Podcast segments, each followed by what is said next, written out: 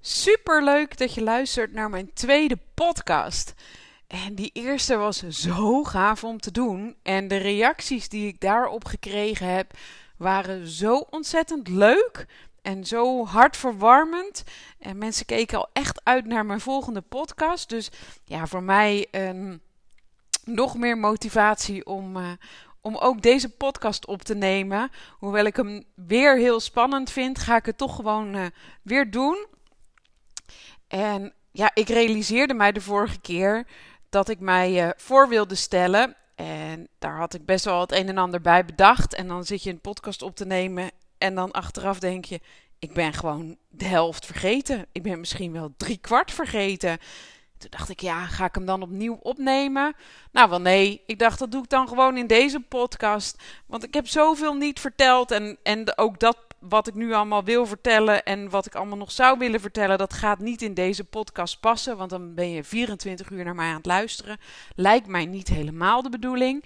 Maar um, ik ga er gewoon een beginnetje mee, mee maken. Of ik ga eigenlijk gewoon verder waar ik de vorige keer geëindigd ben.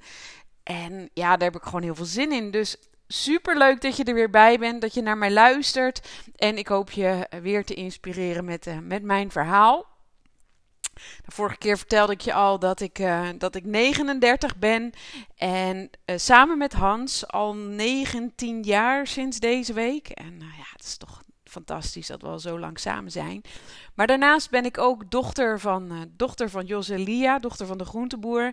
En ja, fantastische ouders waar ik ontzettend blij mee ben en heel dankbaar voor ben. En die mij altijd steunen en altijd achter me staan. En die het eigenlijk hartstikke moeilijk vinden of best confronterend vinden dat ik dit doe. Dat ik mijn, mijn leven deel als ongewenst kinderloze vrouw. En niet dat ze zich daarvoor schamen, absoluut niet. Maar ja, het is voor hun best confronterend natuurlijk om mijn verhaal zo op papier te lezen. En ja, dat snap ik. Dat snap ik. En gisteren hadden we daar nog over. Hoe dat mijn moeder dat echt wel heel moeilijk vindt. Maar ook heel fijn. En ja, dat ze er ook wel wat aan heeft. Maar ook, ja, ja vooral dat, dat, dat er ook wel de tranen vloeien. En dat begrijp ik heel goed. En ja, ik kan ook nogmaals niet meer benadrukken dat ik mijn ouders en mijn familie helemaal niks verwijt. Want uh, ongewenst kinderloos zijn is echt wel een hele lastig, een heel lastig onderwerp. Ja, waar, waar moeilijk over te spreken is. En wanneer begin je daarover? Begin je er niet over? Wacht je af tot de ander ermee komt? Dat zijn lastige dingen. En zeker, ik heb één broer. En die broer heeft inmiddels uh, drie prachtige meiden. Uh, van vijf, drie en één. Ja, dat is vrij snel op elkaar. En ja, dat is natuurlijk geweldig. Maar sinds die er zijn, maakt dat de situatie soms nog wel wat moeilijker. Want ja, mijn broer uh, geniet van zijn gezin. En mijn ouders passen daar heerlijk één keer in de week op. En dat is natuurlijk fantastisch. Maar dat blijft altijd heel dubbel en heel lastig. En ja, dat dat moeilijk is voor iedereen. En dat het moeilijk te peilen is hoe dat voor ons moet zijn. Ja, dat is logisch maar dat, ik snap ook wel dat het daardoor soms best heel, heel confronterend kan zijn als ik dan mijn uh, verhaal daarin deel. En daar zullen best wel meer, meer verhalen over gaan volgen. Want ja, dat is de realiteit. Als je broers en zusters om je heen hebt met kinderen en jij hebt ze niet, ja, dan geniet je ervan. Dan, tenminste, ik geniet van die meiden. Maar ik voel daar ook altijd een steek van in mijn hart. Dat ik denk, ja, verdorie, waarom hebben wij dan geen kinderen? Dus of als, als mijn ouders vertellen hoe gaaf het was met het oppassen, vind ik dat heerlijk om te horen. En tegelijkertijd denk ik, oh, wat had ik graag gewild dat ze bij mij ook op mijn kinderen konden passen. Dus ja, daar is geen verwijt te maken. Dat is gewoon een hele lastige situatie voor ouders. En ook voor mijn broer en voor mijn schoonzus, die twee, twee meiden al heeft die uh, eh, 17 en 16 zijn. Hè. Dat is weer een hele andere leeftijd. Twee super mooie meiden. Ook heel erg trots op. Ja, weet je, dat, dat, die balans is altijd heel moeilijk te vinden. En dat is helemaal niet gek. En um, nogmaals, daar zal ik vast de komende tijd ook meer verhalen over delen. Hoe dat uh, voor mij voelt en hoe ik daarmee omga. Dus zoals gezegd, uh, mijn vader en moeder, ik heb één broer met drie meiden. En Hans heeft één zus met twee meiden. En, en zijn ouders zijn er gelukkig ook nog. En ja, uh, hebben we gewoon een hele fijne, fijne familie. Um, maar naast Hans hebben wij, eh, wij hebben wel twee kinderen, alleen in de vorm van twee honden, Cartouche en Boris. Cartouche is zeven jaar geleden bij ons gekomen. Hij was toen negen jaar. Of hij was niet negen, hij is nu negen. Hij was toen twee. Ja, hij is echt mijn kindje. Cartouche is echt mijn alles. Waar ik ben is Cartouche. Waar, ja, waar ik heen ga, daar gaat Cartouche met me mee. Dat is echt zo mijn maatje. Een heerlijke hond. Het is een Rotweiler. En ik weet, die staan niet altijd even goed uh, bekend. Maar dit is echt een schat. Dit is echt zo'n lekker ding. Dit is echt een vriend van iedereen. En ja, ik ben ontzettend blij met hem. Hij heeft ons leven echt wel verrijkt. Hij is altijd blij. Is altijd blij als je thuis komt. Hij is nooit zagrijnig. En het is gewoon een, een heerlijke knuffel om, uh, om, om bij ons in huis te hebben. En sinds uh, tien maanden nu ongeveer hebben wij ook Boris in huis. Ook een Rotweiler. Uh, hij is afgelopen week één jaar geworden. Ja, en Boris, een totaal ander hondje. Is natuurlijk ook nog een pup. Is nog helemaal hyper de piep. En ja, Boris is wel echt uh, een uitdaging. Ja, ik, ik vergelijk het soms eigenlijk wel eens met, met kinderen. Je ziet heel vaak dat oudste kindjes, ach, die zijn altijd zo makkelijk en die bewegen makkelijk mee en die zijn altijd zo lief en die doen alles perfect en heerlijk. En dan komt de tweede en dat zijn apies. Die zijn driftig of die zijn huilen meer of die zijn pittiger van karakter. Of nou, dat zie ik best wel om mij heen gebeuren. Nou, dat is bij ons ook. Cartouche echt een schatje. Hij is ook natuurlijk negen, dus het is ook al een beetje een oude baas. Maar Cartouche is altijd heel relaxed geweest. En Boris is een beetje een ADHD-hondje met, uh, ik, ik schreef het van de week op, HSH. Boris heeft geen HSP, maar Boris heeft hoogsensitieve hond. Die wordt door alles afgeleid. Die is altijd druk. Die, ja, die weet voor gekkigheid soms niet wat hij moet. En Boris daagt ons enorm uit in, uh, in de opvoeding. En ook daarin herken ik ook weer heel veel. Um, waar ouders of mijn schoonzusje of, of schoonzussen nog wel eens worstelen. Hè, doe ik het wel goed? Of vriendinnen natuurlijk. Doe ik de opvoeding wel goed? Of, uh, doe ik het beste voor mijn kind? Um, waar, waar ga ik mis? Of nou ja, hoe ga ik hiermee om? Of hoe ga ik daarmee om? Nou, dat hebben wij met Boris dus ook. Soms echt tot waanzin kan hij ons drijven. En dat we echt denken, wat moeten we met deze kleine aap? Maar hij is ook zo grappig en zo geestig. En hij doet het al hartstikke goed. En ja, we zijn echt super blij met die, met die kleine clown, zoals ik hem ook wel noem. Maar goed, dus dat is eigenlijk ons gezinnetje. Samen met Hans hebben we Cartoes en Boris. En dat is echt heel fijn. Um, maar onze droom, ja, onze droom begon uh, uh, 16, even denken, wij zijn 19 jaar samen. En toen wij één jaar samen in ons huis woonden, huis gekocht hadden, toen kregen wij een wens. Wij wilden wel heel graag kindertjes. Dus toen ik 23 was, stopte ik met de pil. Ja, en toen gingen we ervoor. En vol goede moed gingen we dit uh, avontuur aan. En ik weet nog dat ik een, een, een notitieboek schreef. En ja, precies alle dagen bijhield. En oh, wanneer we gevreden hadden. En wanneer ik ongesteld werd. En ik hield het allemaal bij. Want ik wilde het zo graag. En ik dacht, ik moet, dat moet ik goed bijhouden. Want dan weet ik hoe het gaat. En nou ja, dan word je de eerste keer ongesteld. En de tweede keer ongesteld. Ja, dat is natuurlijk best heel pittig. Eh, maak je ook wel zorgen, maar we hadden niemand iets verteld, want dit, werd, dit moest echt een verrassing zijn. Weet je, we waren, ik was nog best wel jong en ik wilde gewoon mijn familie, uh, mijn vrienden verrassen dat wij zover waren. Dat had ik bedacht. Ja, goed, dat kan je dus heel goed uh, bedenken. Um, maar ja, dan moet het wel lukken. En ja, dat wilde niet. En ik kan me de dag nog heel goed herinneren dat ik op een zaterdag volgens mij bij mijn moeder aan tafel zat. En we waren toen denk ik al een jaar bezig. En dat ik toen vertelde van ja mam, wij willen heel graag kinderen, maar het lukt niet. ja, dat was wel echt een heftig, uh, een heftig moment om dat te vertellen en ja, om, om daarmee naar buiten te treden. Maar ik kon het ook niet langer voor me houden. Ik kon dit geheim niet langer dragen. En ja, toen, toen zijn we ook wel naar de huisarts geweest. En zijn we doorverwezen naar het ziekenhuis. Ja, en toen zijn we de malle molen ingegaan. Van onderzoeken, geduld, nog meer geduld. Toch nog weer een onderzoek. Soms nare onderzoeken, soms makkelijke onderzoeken. Uh, we hebben ze allemaal gehad tot uiteindelijk ook een kijkoperatie. Waarbij in mijn, in mijn baarmoeder gekeken werd hoe alles ervoor stond. Ja, en eigenlijk is er nooit iets gevonden. Ze hebben zowel bij mij als bij Hans nooit een reden kunnen vinden waarom wij geen kinderen kunnen krijgen.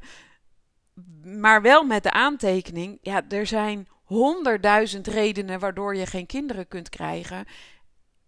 En ze, zijn, ze weten er pas duizend. Ze weten pas duizend redenen waarom het niet zou lukken. En die andere, uh, uh, nou ja, 99.000, die weten ze niet. En daar moet je mee dealen. En aan de ene kant is dat misschien uh, frustrerend. Aan de andere kant hebben wij het altijd, tot op de dag van vandaag, als heel prettig gevonden dat wij de reden niet weten. Want wij kunnen elkaar daardoor ook niet scheef aankijken. Wat ik in mijn omgeving ook heb zien gebeuren. Waarbij relaties kapot zijn gegaan omdat het aan een van de twee lag. Ja, dat vind ik echt super verdrietig. En ook dat kan, hè. Dat is ook echt helemaal geen verwijt. Maar dat is wel heftig. En ja, bij ons, wij weten het niet. Dus wij kunnen ook, wij hebben elkaar ook nog nooit het kwaad daarop aangekeken. Um, ja, dat, het, het is zoals het is. En ja, wij zijn toen de molen ingegaan. We hebben zes IUI-behandelingen gehad. Daarna um, IUI, dan word je op een vrij makkelijke manier um, op het juiste moment. Um, ja, wordt er. moet Hans zijn potje inleveren en dat wordt bij mij binnengebracht, om het maar even zo netjes mogelijk te zeggen. Maar dat is echt wel een hele eenvoudige behandeling. Maar ja, na zes keer heeft dat echt totaal geen baat gehad. En, en gingen wij over op IVF. Ja, en daarin laat je daarin ga je best wel over grenzen heen. En, en ga, zit je eigenlijk echt wel in een, in een, ja, in een achtbaan van emoties, van, van hoop, heel veel hoop. Uh, gevolgd door teleurstelling, verdriet.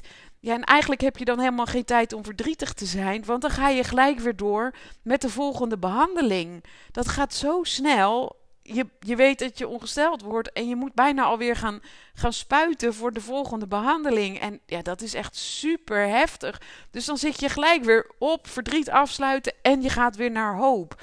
Ja, dat vond ik echt wel de meest heftige um, rollercoaster van, van dit hele. dit alles wat wij hierin meegemaakt hebben.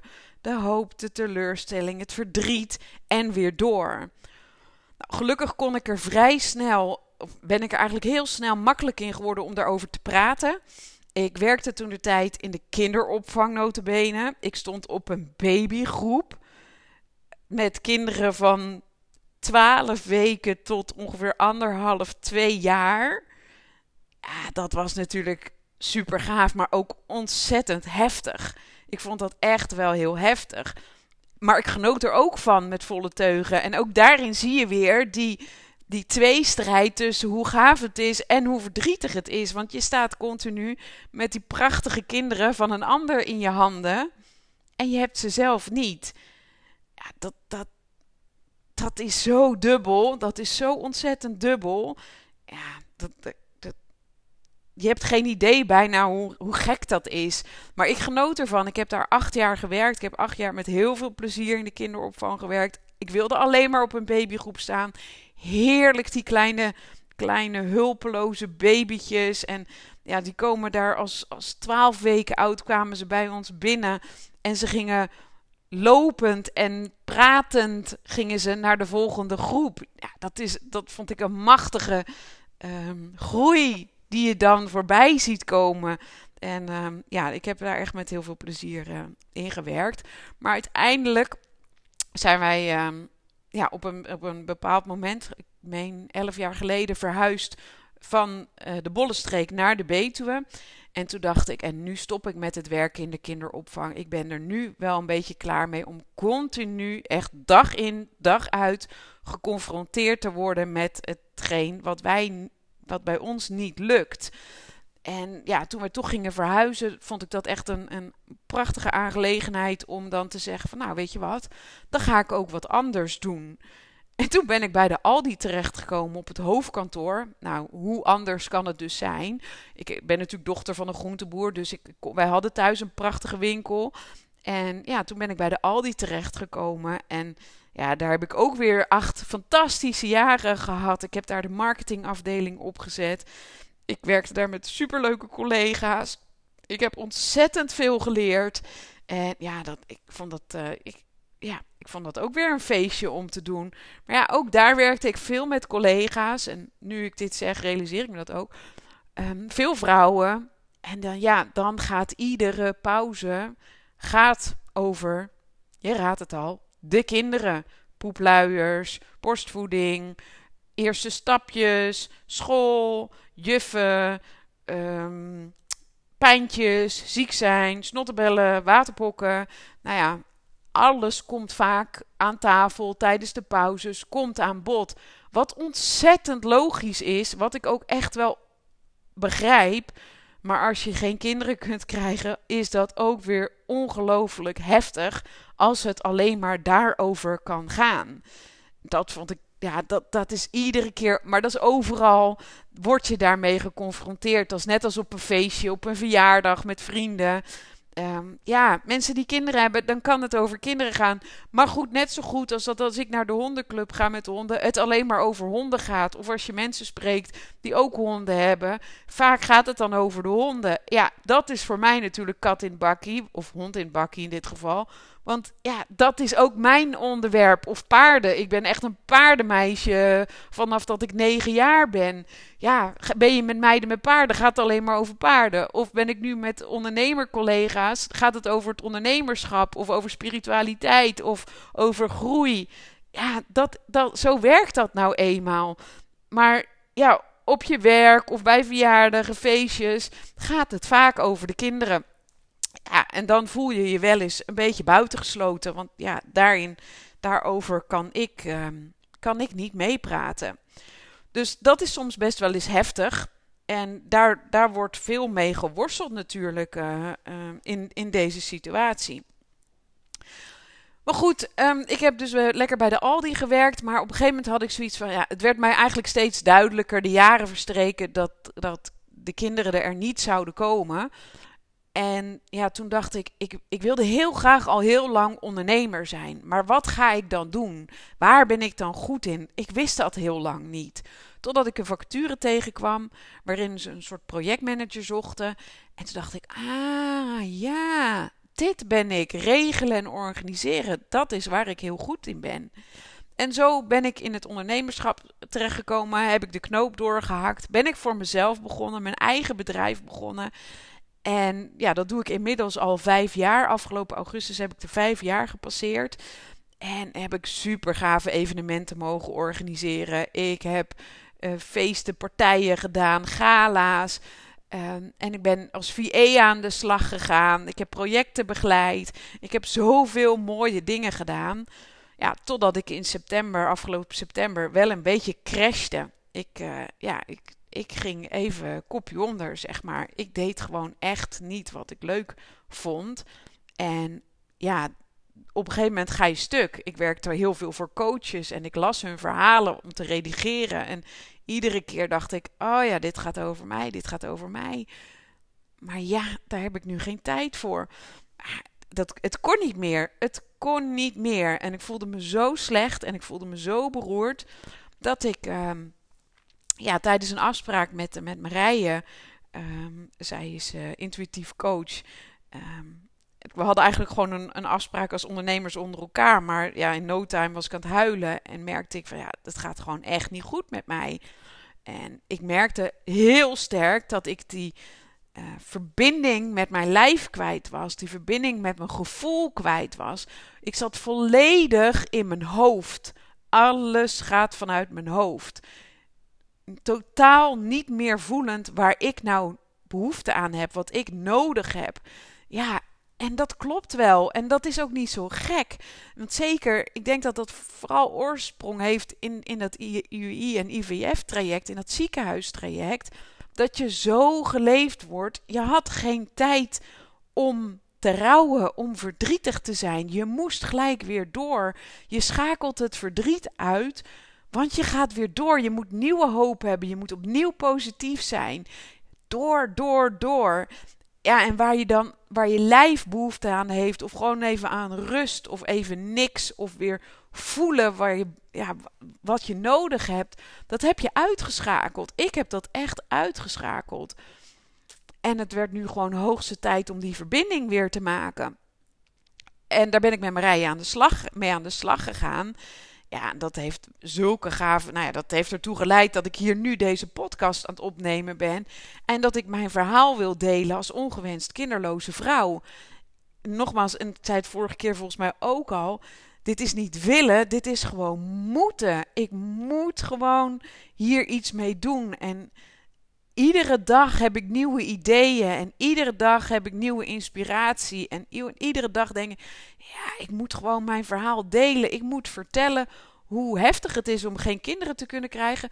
Maar ik wil ook vertellen wat er nog meer is en welke je kansen je kunt pakken als je geen kinderen kunt krijgen. En welke, hoe je je leven dan vorm kunt geven en hoe je dan weer kunt gaan genieten van het leven. En, want ja, je zit heel lang in verdriet en je zit heel lang in hoop. En heel lang denk je, ja, als ik kinderen krijg, dan, dan gaat het leven er zo uitzien. Je hebt dat pad uitgestippeld. Maar als dat niet zo is, ja, hoe ga je dat dan opvullen? En hoe ga je er dan weer van genieten? En hoe ga je dan weer leuke dingen doen? En ja, ook dat wil ik delen. En ja, ik word er gewoon, je hoort het aan mijn stem waarschijnlijk, ik word er gewoon ontzettend blij van. Dus um, met Marije ben ik weer naar dat gevoel gaan zoeken. En middels reiki en meditatie ben ik daar langzaam weer verbinding mee aan het maken. Maar ook tijdens, uh, ik ben in oktober naar het event van Robert Bridgman geweest. En dat was zo gaaf. Dat, nou, nee, ik lieg een beetje. In het begin vond ik het echt verschrikkelijk. En dacht ik, wat doe ik hier? Robert Bridgman is transformatief coach. Hij heeft heel veel verschillende um, vormen van um, coaching, begeleiding, um, hypnose, uh, eh, EFT.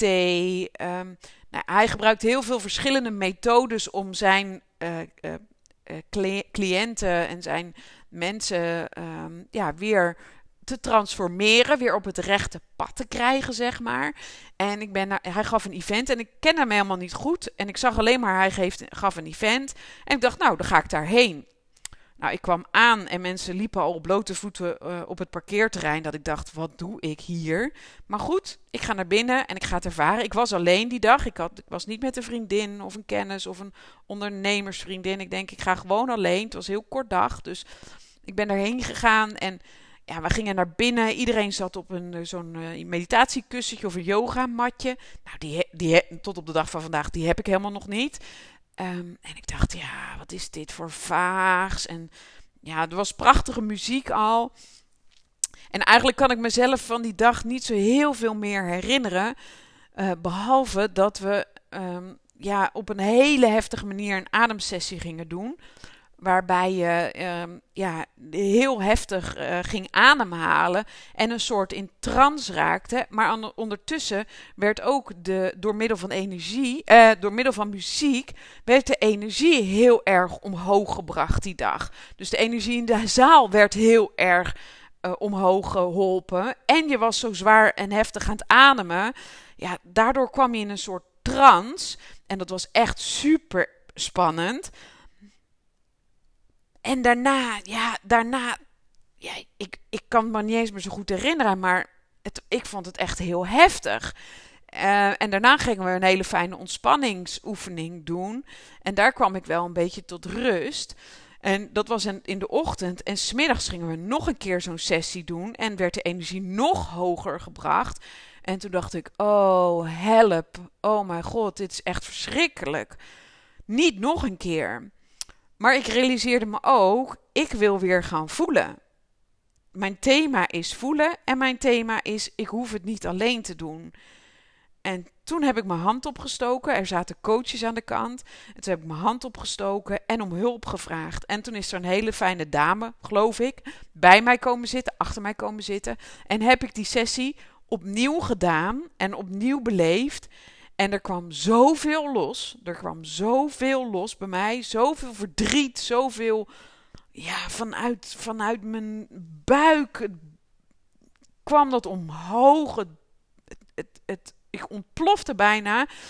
En dat was heftig, dat was best heel heftig, maar zo fijn, zo lekker, zo lekker om dat verdriet is alle ruimte te geven wat het nodig had blijkbaar, wat ik al onbewust heel lang in mijn buik voelde van er zit iets, er, er rommelt iets en het komt er maar niet uit en het komt maar niet los. En wat is dat dan? En hoe erg. Ik heb gelukkig nooit hele vreselijke dingen meegemaakt. En hoe kan het dan toch zijn dat ik nog altijd zo'n ja, zo'n naar gevoel in mijn buik heb?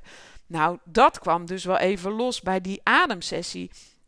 En ja, achteraf gezien was dat echt magisch. En, en heeft Robert Bridgman niet een deur op een kier gezet, maar die heeft hem gewoon keihard opengetrapt. Dat ik, uh, dat ik gefascineerd ben door die manier van coachen en die manier van ademhalings, ademhalingsoefeningen doen om, om dingen waarvan je niet bewust bent los te krijgen. En ja, die dag was voor mij wel echt een doorbraak. En sindsdien voel ik echt heel sterk dat ik aan de slag moet waarmee ik aan de slag wil. En ja, dat, dat, dat maakt me ontzettend blij. En dat kan ik niet vaak genoeg zeggen.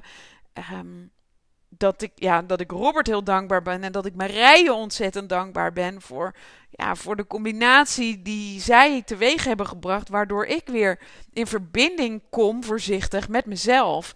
En, en dat is echt heel erg geweldig. En ja, ik, ik, ik heb er gewoon ontzettend veel zin in. En dat maakt me gewoon heel blij. En zo ben ik nu mijn pad aan het volgen. En inmiddels ben ik zelf een opleiding tot ademcoach aan het doen. Want dit is zo'n mooie methode om ook in te zetten voor voor mijn klanten straks, die vrouwen die ongewenst kinderloos zijn, maar waarbij die nog zo'n druk voelen en die misschien niet goed kunnen uiten. Ja, ik vind het fijn als ik straks verschillende tools in handen heb. Hè? Ook reiki, uh, ademcoaching, intuïtief coachen. Als ik allerlei tools in handen heb om deze vrouwen te helpen. Want hoe gaaf zou dat zijn? Nou, ik word er, ja, ik, ik, ik blijf het herhalen hoe blij ik ervan word. Um, maar voor nu denk ik, uh, ja, dat ik, uh, um, dat ik het hier voor vandaag even bij laat in deze podcast. Ik, ik vond het weer fantastisch om mijn verhaal met jou te delen. En in de volgende podcast uh, gaan we weer een volgend onderwerp aansnijden. Ik heb iets meer verteld over wie ik ben. Um, ja, ik, ik kijk er naar uit om de volgende te maken. En ben jij nu ongewenst kinderloos of misschien wel gewenst kinderloos? En en misschien is deze vraag al heel vroeg voorbij mijn tweede podcast. Maar of misschien ben je wel een ouder van ongewenst kinderloze dochter of zoon. En zou jij het tof vinden om een keer uh, samen met mij de podcast te maken? Hè? Dat ik jouw vraag kan stellen hoe het voor jou voelt. Ja, dan zou ik dat ontzettend tof vinden. Want ik denk, hoe meer we dit met elkaar delen, hoe, hoe meer we elkaar kunnen helpen. En dat is tenslotte mijn missie ik wil jou helpen. Ik wil die vrouwen die ongewenst kinderloos zijn helpen. Ik wil die mannen die daarmee worstelen helpen. Maar ook die ouders en die vrienden en die collega's die soms gewoon geen idee hebben wat dat met iemand doet. Die wil ik zo graag inspireren. En ik hoop dat ik dat met deze podcast uh, weer gedaan heb. En ik wil je ontzettend bedanken voor het luisteren. En ik hoop zeker tot de volgende keer. Dukke kus. Doeg!